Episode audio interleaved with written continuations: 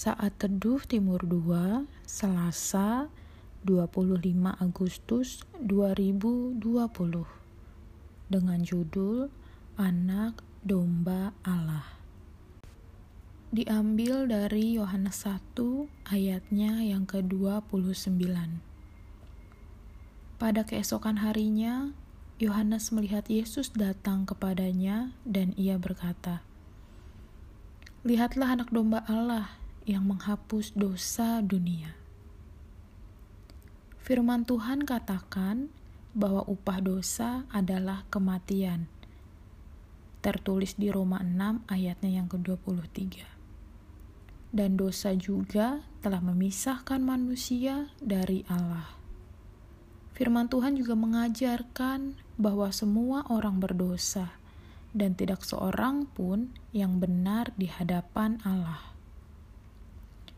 Oleh karena itu, satu-satunya harapan bagi kita hanyalah jika Dia bersedia menyediakan jalan untuk kita diperdamaikan dengan dirinya.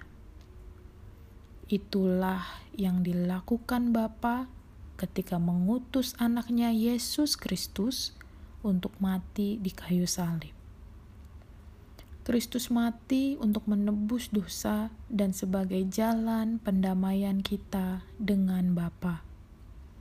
Melalui kematiannya di atas kayu salib sebagai korban yang sempurna untuk menebus dosa, maka manusia sekarang bisa memiliki hidup kekal melalui iman percaya kepadanya. Melalui korban anak domba ini, kasih Allah dinyatakan dan dimateraikan. Hanya kasih Allah yang tampak dari kedatangan dan pengorbanan anak domba itu yang dapat menyucikan hati manusia berdosa.